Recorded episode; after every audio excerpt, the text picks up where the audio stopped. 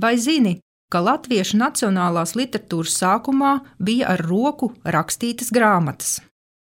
Jau kopš 18. gadsimta vidus latviešu valodā tikušas rakstītas un pārrakstītas rokrakstu grāmatas. Tās mēs varam iedomāties gan kā necila izskata ļoti nobružātas ar diegu sasietas lapu kopiņas, gan arī vienkāršos ādas vākos iesietas grāmatiņas, kuras līdzīgas mūsdienās papīrlietu veikalos nopērkamām piezīmju kladēm.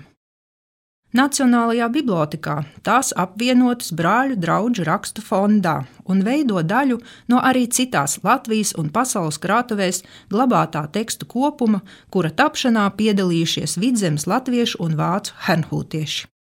Kas tad bija šie cilvēki, kas gaišajās vasaras dienās pēc smaga fiziska darba vai arī tumšajos ziemas vakaros skalu gaismā ņēma rokās zos spalvu un lika to uz papīra lapas?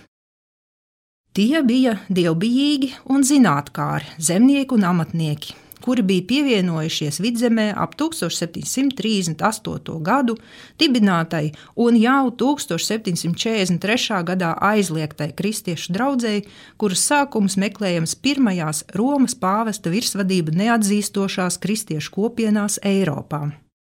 Čehijā simts gadus pirms reformācijas līdzīgi domājošs cilvēks pulcēja ap sevi mācītais vīrs Jans Huss, kuru, kā zināms, 1415. gadā par ķecerību sadedzināja uz sārta. Pēc vairāku gadsimtu vajāšanām Husa piekritēji, apvienojušies Čehu brāļu draugzē, atrada sev jaunu māju vietu Sakšu grāfa Nikolai Ludviga von Cincendorfa īpašumā, tagadējās Polijas, Čehijas un Vācijas pierobežā.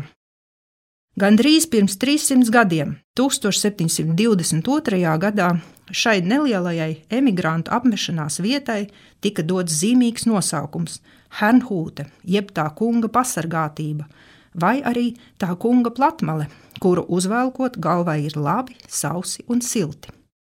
Tobrīd grāfs Cincendorfs šos patvērumu meklētājus gribēja piepulcēt luterticīgo draudzēji.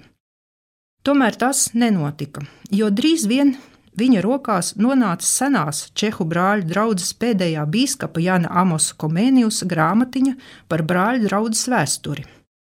Cincendorfam tā bija atklāsme, un kopš šī brīža viņš ar domu biedriem sāka apzināti veidot atjaunoto brāļu draugu un vēlējās kalpot tam jēram, Jēzum Kristum, līdz brīdim, kad viņš pats atgriezīsies pie cilvēkiem. Un es citēju, visi īpašie viedokļi, tas ir reliģiskās pārliecības, tiks sadedzināti jēra mīlestībā.